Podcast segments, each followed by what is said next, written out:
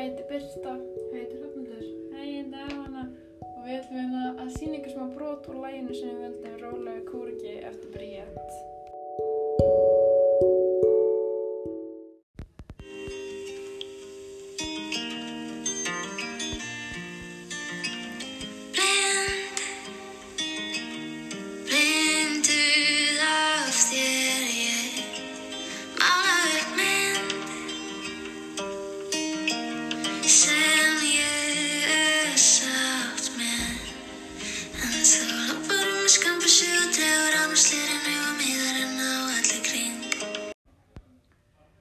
Við völdum þetta lag vegna þess að okkur fannst þetta bara mjög fallegt og bara persónulegt að bestu íslensku lögum sem hafa komið út síðastliðina ár.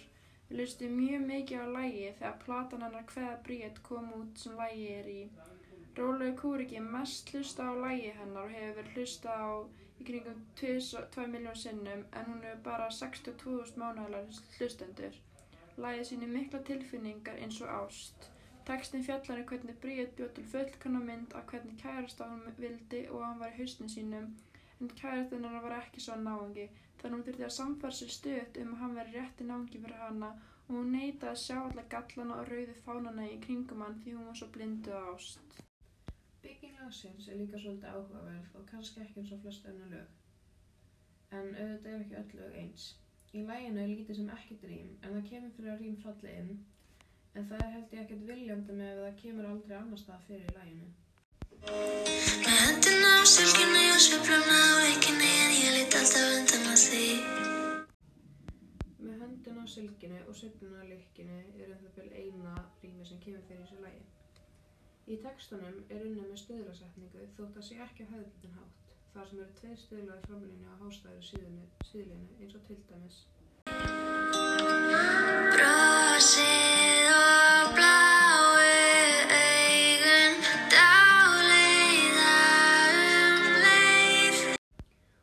Á bláu augun, dálegan leið.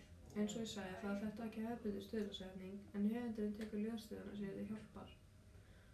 Og þessi setning er bara eina setninga þar sem það kemur fyrir ljóðstæðir.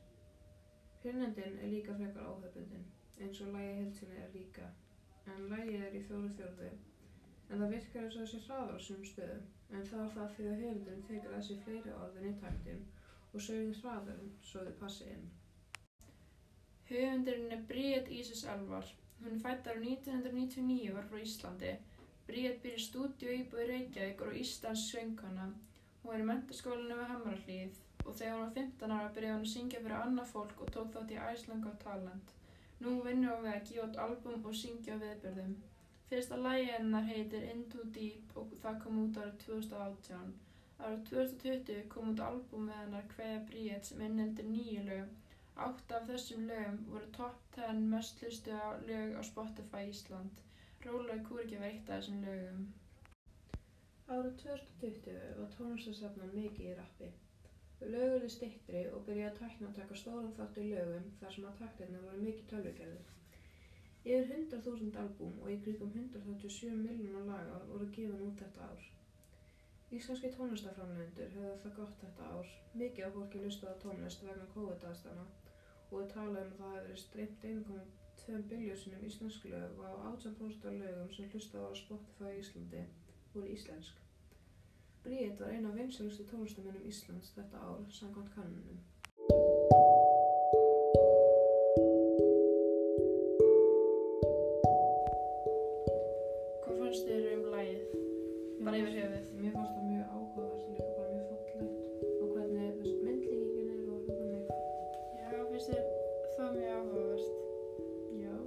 um sjálfa syngkonuna. Yes.